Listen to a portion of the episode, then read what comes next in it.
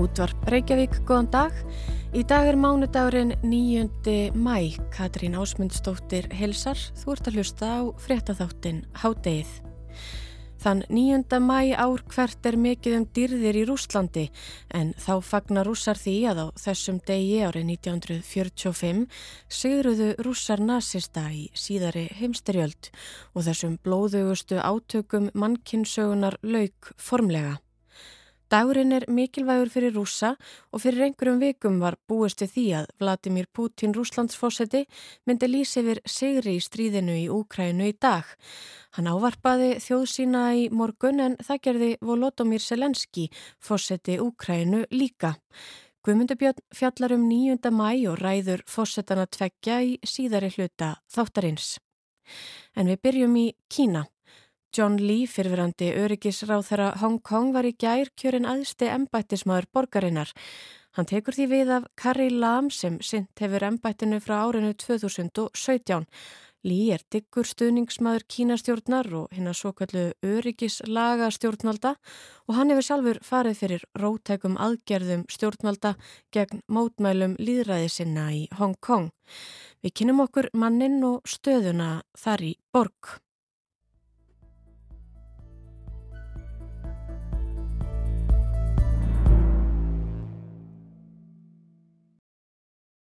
无论系支持我定系唔 Hvort 支持 sem 我， þið stuttuð mig í kjörinu eður ei vil ég þakka ykkur frá dýfstu hjartarótum því þið stuttuð kostningarnar, sagði hinn ný kjörni aðsti embættismadur Hong Kong og bætti við að öll gætu glaðst yfir þessum sögulegu tímamótum.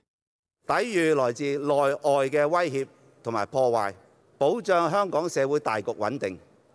John Lee lofaði þá að berjast gegn hverskins hótunum, ógnunum eða mótvægisaðgerðum bæði innlendum og erlendum til verndunar félagsleg stöðuleika, fullveldis þróunar og hagsmuna. Þessi nýji aðsti embættismadur kínastjórnar í Hong Kong hlaut yfirknæfandi meiri hluta atkvæða sérstakrar kjörnemdar sem sáum valið.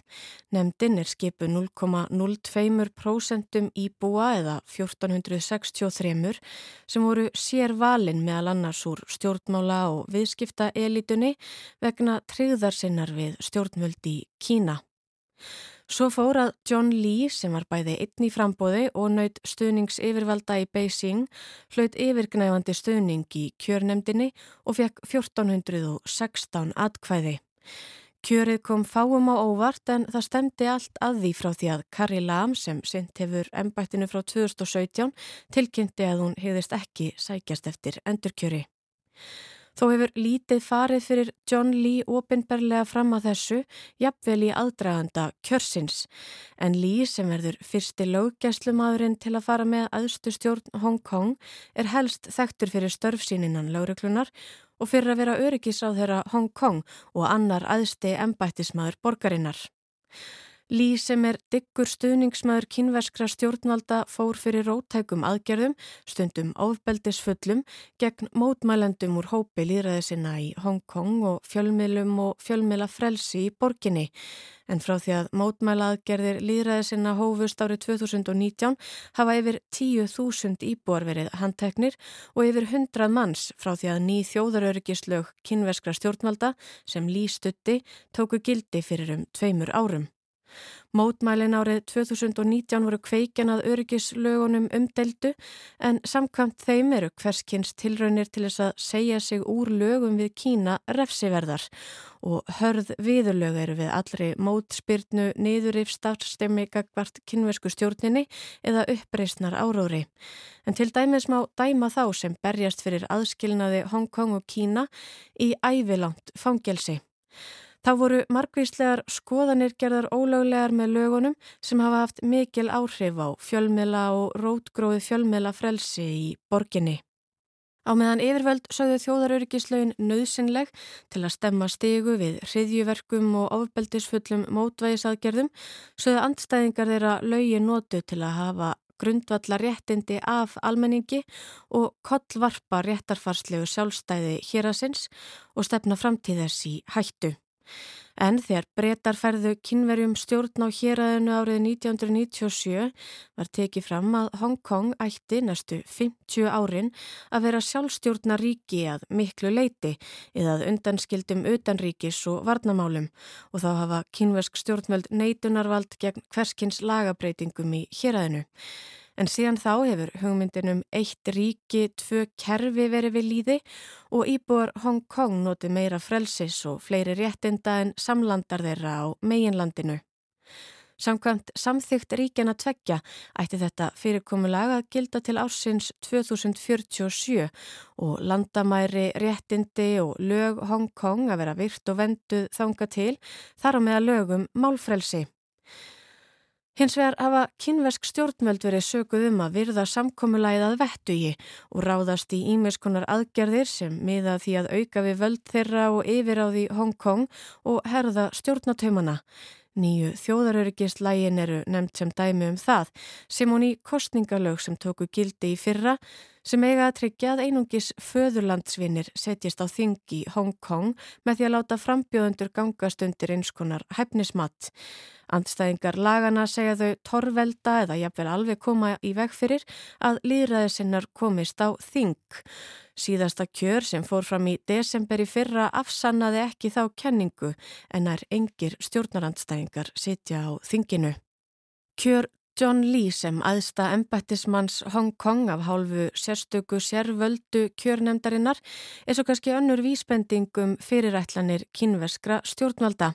En gaggrínendur segja í raun alls ekki um neitt kjör eða kostningar að ræða heldur bara einfalt val og andstæðingar óttast að nú 1. júli þegar Lý tekur við stjórn Hong Kong til næstu 5 ára á 25 ára tímamótum stjórnarskipta breyta og kynverja að aukin hiti færist í leik kynverskra stjórnvalda.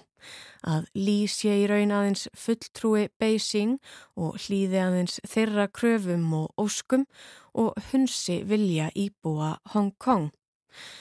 En það er bara að býða og sjá.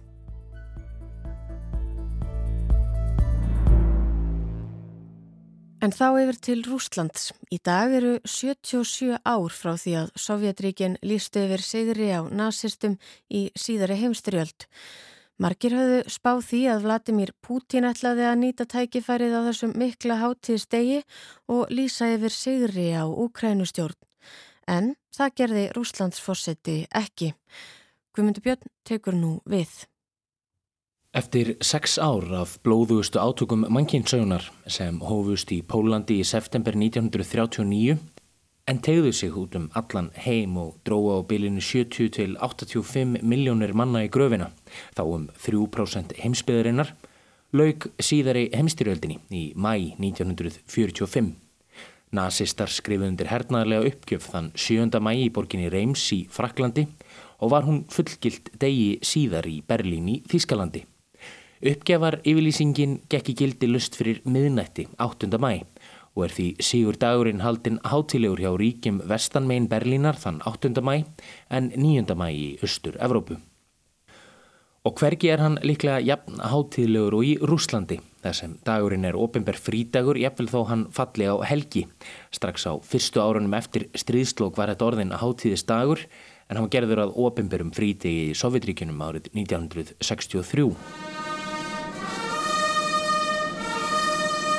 Vladimir Putin, Rúslands fósetti áarpaði landsmenn á Rauðatorkinu í Moskvu í dag, þar sem mikið var um dýrðir. Hann hóf málsett á að tala um hvað felist í því að verja móðurlandið, hið heilaga móðurland. Í dag eru þið að berjast fyrir okkar fólki í Donbass, fyrir öryggi og velferð móðurlandsins. Так и сейчас, в эти дни, вы сражаетесь за наших людей на Донбассе, за безопасность нашей Родины, Мы гордимся непокоренным, доблестным поколением победителей. Þá gerði fórsetin sigurinn yfir nazistum í síðari heimstyrjöldað umtalsefni sínu og að nú væri enn mikilvægur en áður að minnast þessa sigurs svo undverði að koma í veg fyrir að slíkir hlutir endurtæki sig. Og þá hófst réttlæting á innrás rúsa inn í Ukrænu. Pútín sagði að í desember á síðast ári hafi rússar reyndað hefja samtal við ríki á Vesturlöndum um hvernig sé hægt að tryggja varnir Rúslands. Rússar hafi kallað eftir heiðarlegu samtali og reyndað leita málamiðlana, þar sem hagsmunir allra hafi verið hafðir að leiðarljósi. Það hafi verið á endanum til einskís. NATO-ríkin hafi ekki viljað hlusta á rússa sem síndi rússum að þau hefðu önnur plön. Það hafi svo sínt sig. В декабре прошлого года мы предложили заключить договор о гарантиях безопасности. Россия призывала Запад к честному диалогу, к поиску разумных, компромиссных решений, к учету интересов друг друга. Все напрасно. Страны НАТО не захотели нас услышать. Þá sagði Pútín að stjórnvöld í Úkrænu hafi haft ráðagerðir um frekari hernaðaragerðir í Donbass og um að vilja stjórnast með sögulegt heimili Rúslands. á hann þar vafalítið við Dombas hérað sem alfjóðarsamfélagið viðurkennir sem hluta af Úkrænu en Pútín er á öðru máli. Stjórnvöldi kænugarði hafi viljað beita kjarnorkuvopnum, sagði Pútín og NATO-ríkin hafi hafið einhvers konar hernaðarlega nýlendustefnu á svæðum sem tilheyri rúsum. Það hafi verið óásættanlega ógn sem nöðsynlegt hafi verið að bregðast við. Það hafi verið óásættanlega ógn sem nöðsynlegt hafi verið að bregðast við к вторжению на наши исторические земли, включая Крым. В Киеве заявляли о возможном приобретении ядерного оружия. Блок НАТО начал активное военное освоение прилегающих к нам территорий. Pútín beindi því næst sérstaklega orðum sínum að hermönum og aðskilnaðarsinnum í Donbass héræði. Þið eru að berjast fyrir móðurlandið, fyrir framtíð þess, svo að enginn fái glemt lærdómum síðar í heimstýraldarinnar. Það er ykkar að sína að þetta á ekki að vera heimili nazista og böðla. Обращаюсь сейчас к нашим вооруженным силам и к ополченцам Донбасса.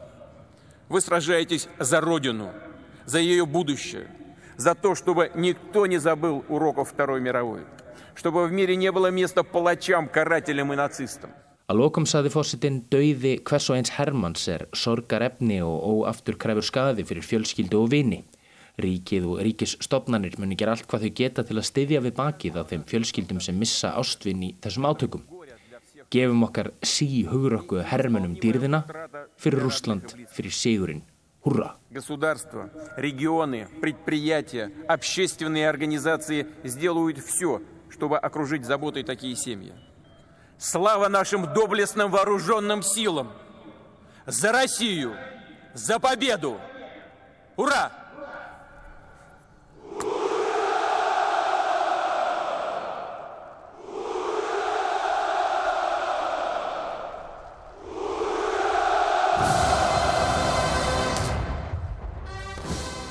Og undir tók skarinn húrra, húrra, húrra og svo var þjóðsöngur Rúslands leikin.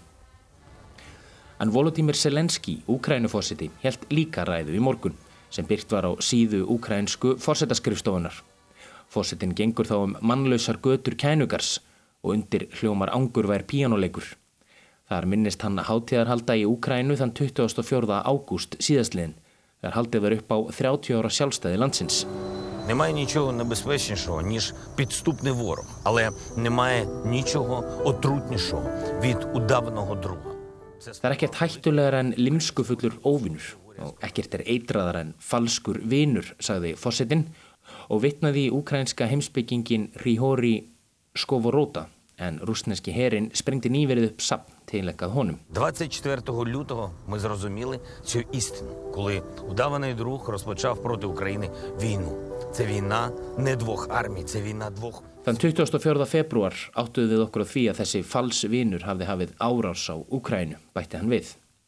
Þetta er ekki stríð á melli tveggja herja, þetta er stríð á melli tveggja heimsmynda. Þetta er stríð villimanna sem sprengdu skofurótasafnið, manna sem trúa því að eldflögar geti grandað okkar hugsun og heimsbyggi. Hún hræðir þá. обстрілюють музей сковороди і вірять, що їхніми ракетами можна знищити нашу філософію. Вона їх дратує, вона їм чужа, вона їх лякає. Вона Heimsbyggi okkar og hugsun er kjarni þess að við erum frjálst fólk sem hefur farið okkar eigin leið. Í dag hefum við stríð á þessari leið og við munum ekki láta svo mikið eftir sem eina landsbyldu, sagði Selenski. полягає в тому, що ми вільні люди, які йдуть своїм шляхом. Þá vek hann orðum sínum að hátíðar deginum 9. mæ. Í dag fagnum við sigrinum á nazistum. Við erum stolt af forfeðurum okkar sem ásamt öðrum þjóðum börðust gegn Hitler og sigruðu nazismann. Við munum ekki leifa neinum að endurskrifa þá sögu og að reyna að skrifa okkur út úr henni, sagði hann. Сьогодні ми відзначаємо День перемоги над нацизмом і нікому не віддамо ані клаптика своєї історії. Ми пишаємось нашими предками, які разом з іншими народами у складі антигітлеровської коаліції перемогли нацизм. Þá saði Selenski að óvinnurinn, rússar, hafi vonast til þess að úkrænumenn myndu ekki fagna sigrinum á nazistum í dag, bara svo að orðið títnemda af nazista væðing hefði einhverja þýðingu. Þá nefndi hann að miljónir úkrænumanna hafi barist gegn nazistum og farið í gegnum erfitt og langt ferli. Nazistar hafi verið reknir frá Luhansk, frá Donetsk, frá Kherson, frá Melitopol og frá Bredjansk, borgum sem úkrænumenn hjálpuðu til við að frelsa. Мільйони українців боролись з нацизмом і пройшли важкий і довгий шлях. Вигнали нацистів з Луганська, вигнали нацистів з Донецька, звільнили від окупантів Херсон, Мелітополь, Бердянськ, вигнали нацистів з Ялти. Þá nefndi hann að þið sama hefði verið på teiningnum í Jalta, í Simferopol, í Kers og á öllum Krímskaga. Borginna sem ég nefni í dag, sagði fósitinn, er okkur sérstaklega hugleiknar. Þær gef okkur þá trú að við munum líka geta hrakið innrásarmennina burt úr okkar landi fyrir fullt og allt. Í dag berjustu fyrir nýjum segri, saði Selenski. Leiðin þangað er íllfarin, en við efumst ekki um að við komumst þangað. Hvaða forskot eigum við á óvinn okkar, spurði hann. Við höfum eina bók betur en þeir og það er bókin um sögu Úkrænu. У день перемоги над нацизмом ми боремось за нову перемогу. Шлях до неї важкий, але ми не сумніваємось, що переможемо. В чому наша перевага над ворогом? Ми розумніші на одну книгу. Це підручник з історії України. Ræða Silenskis var innblásnari og skáldleri eftir því sem á leið. Rétt eins og einhver er að berjast fyrir keisaran, sagði fórsetin, fyrir fóringjan, fyrir yfirmannin, eru við að berjast fyrir heimaland okkar. Við höfum aldrei barist gegn neinum, við höfum alltaf barist fyrir okkur sjálf og fyrir frelsi okkar. Fyrir sjálfstæð okkar, svo að sigrar forfæður okkar hafi ekki verið til einskís. Хтось воює за батюшку царя, за фюрера, партію і вождя, а ми за батьківщину.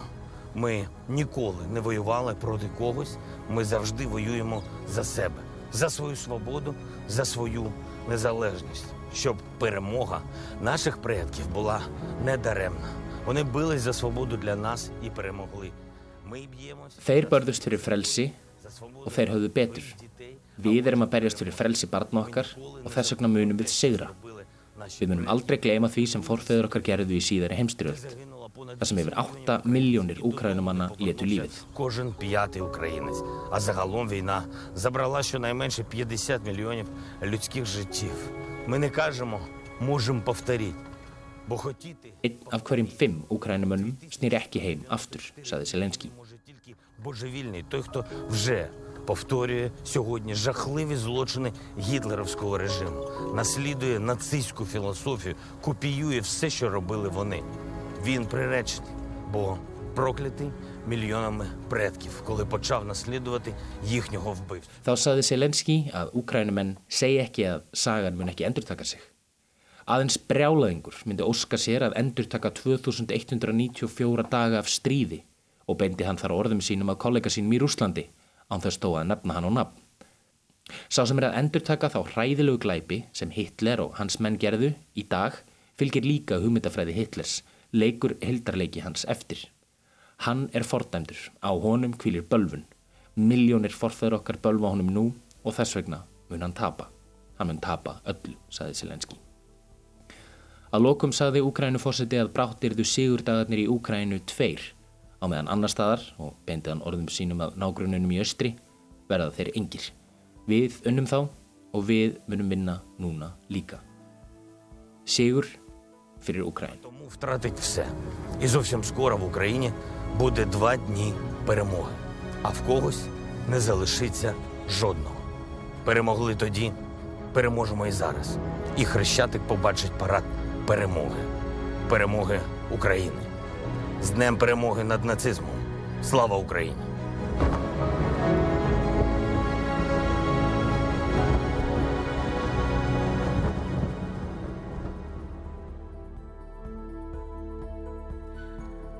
Hátið er þá á enda í dag en við verðum hér aftur á sama tíma á morgun. Þátturinn er einni aðgengilegur í spilaranum og hlaðvarpsveitum og þá er þetta að senda okkur post með ábendingum og netfangið hádegið hjá rúf.is. Verðið sæl!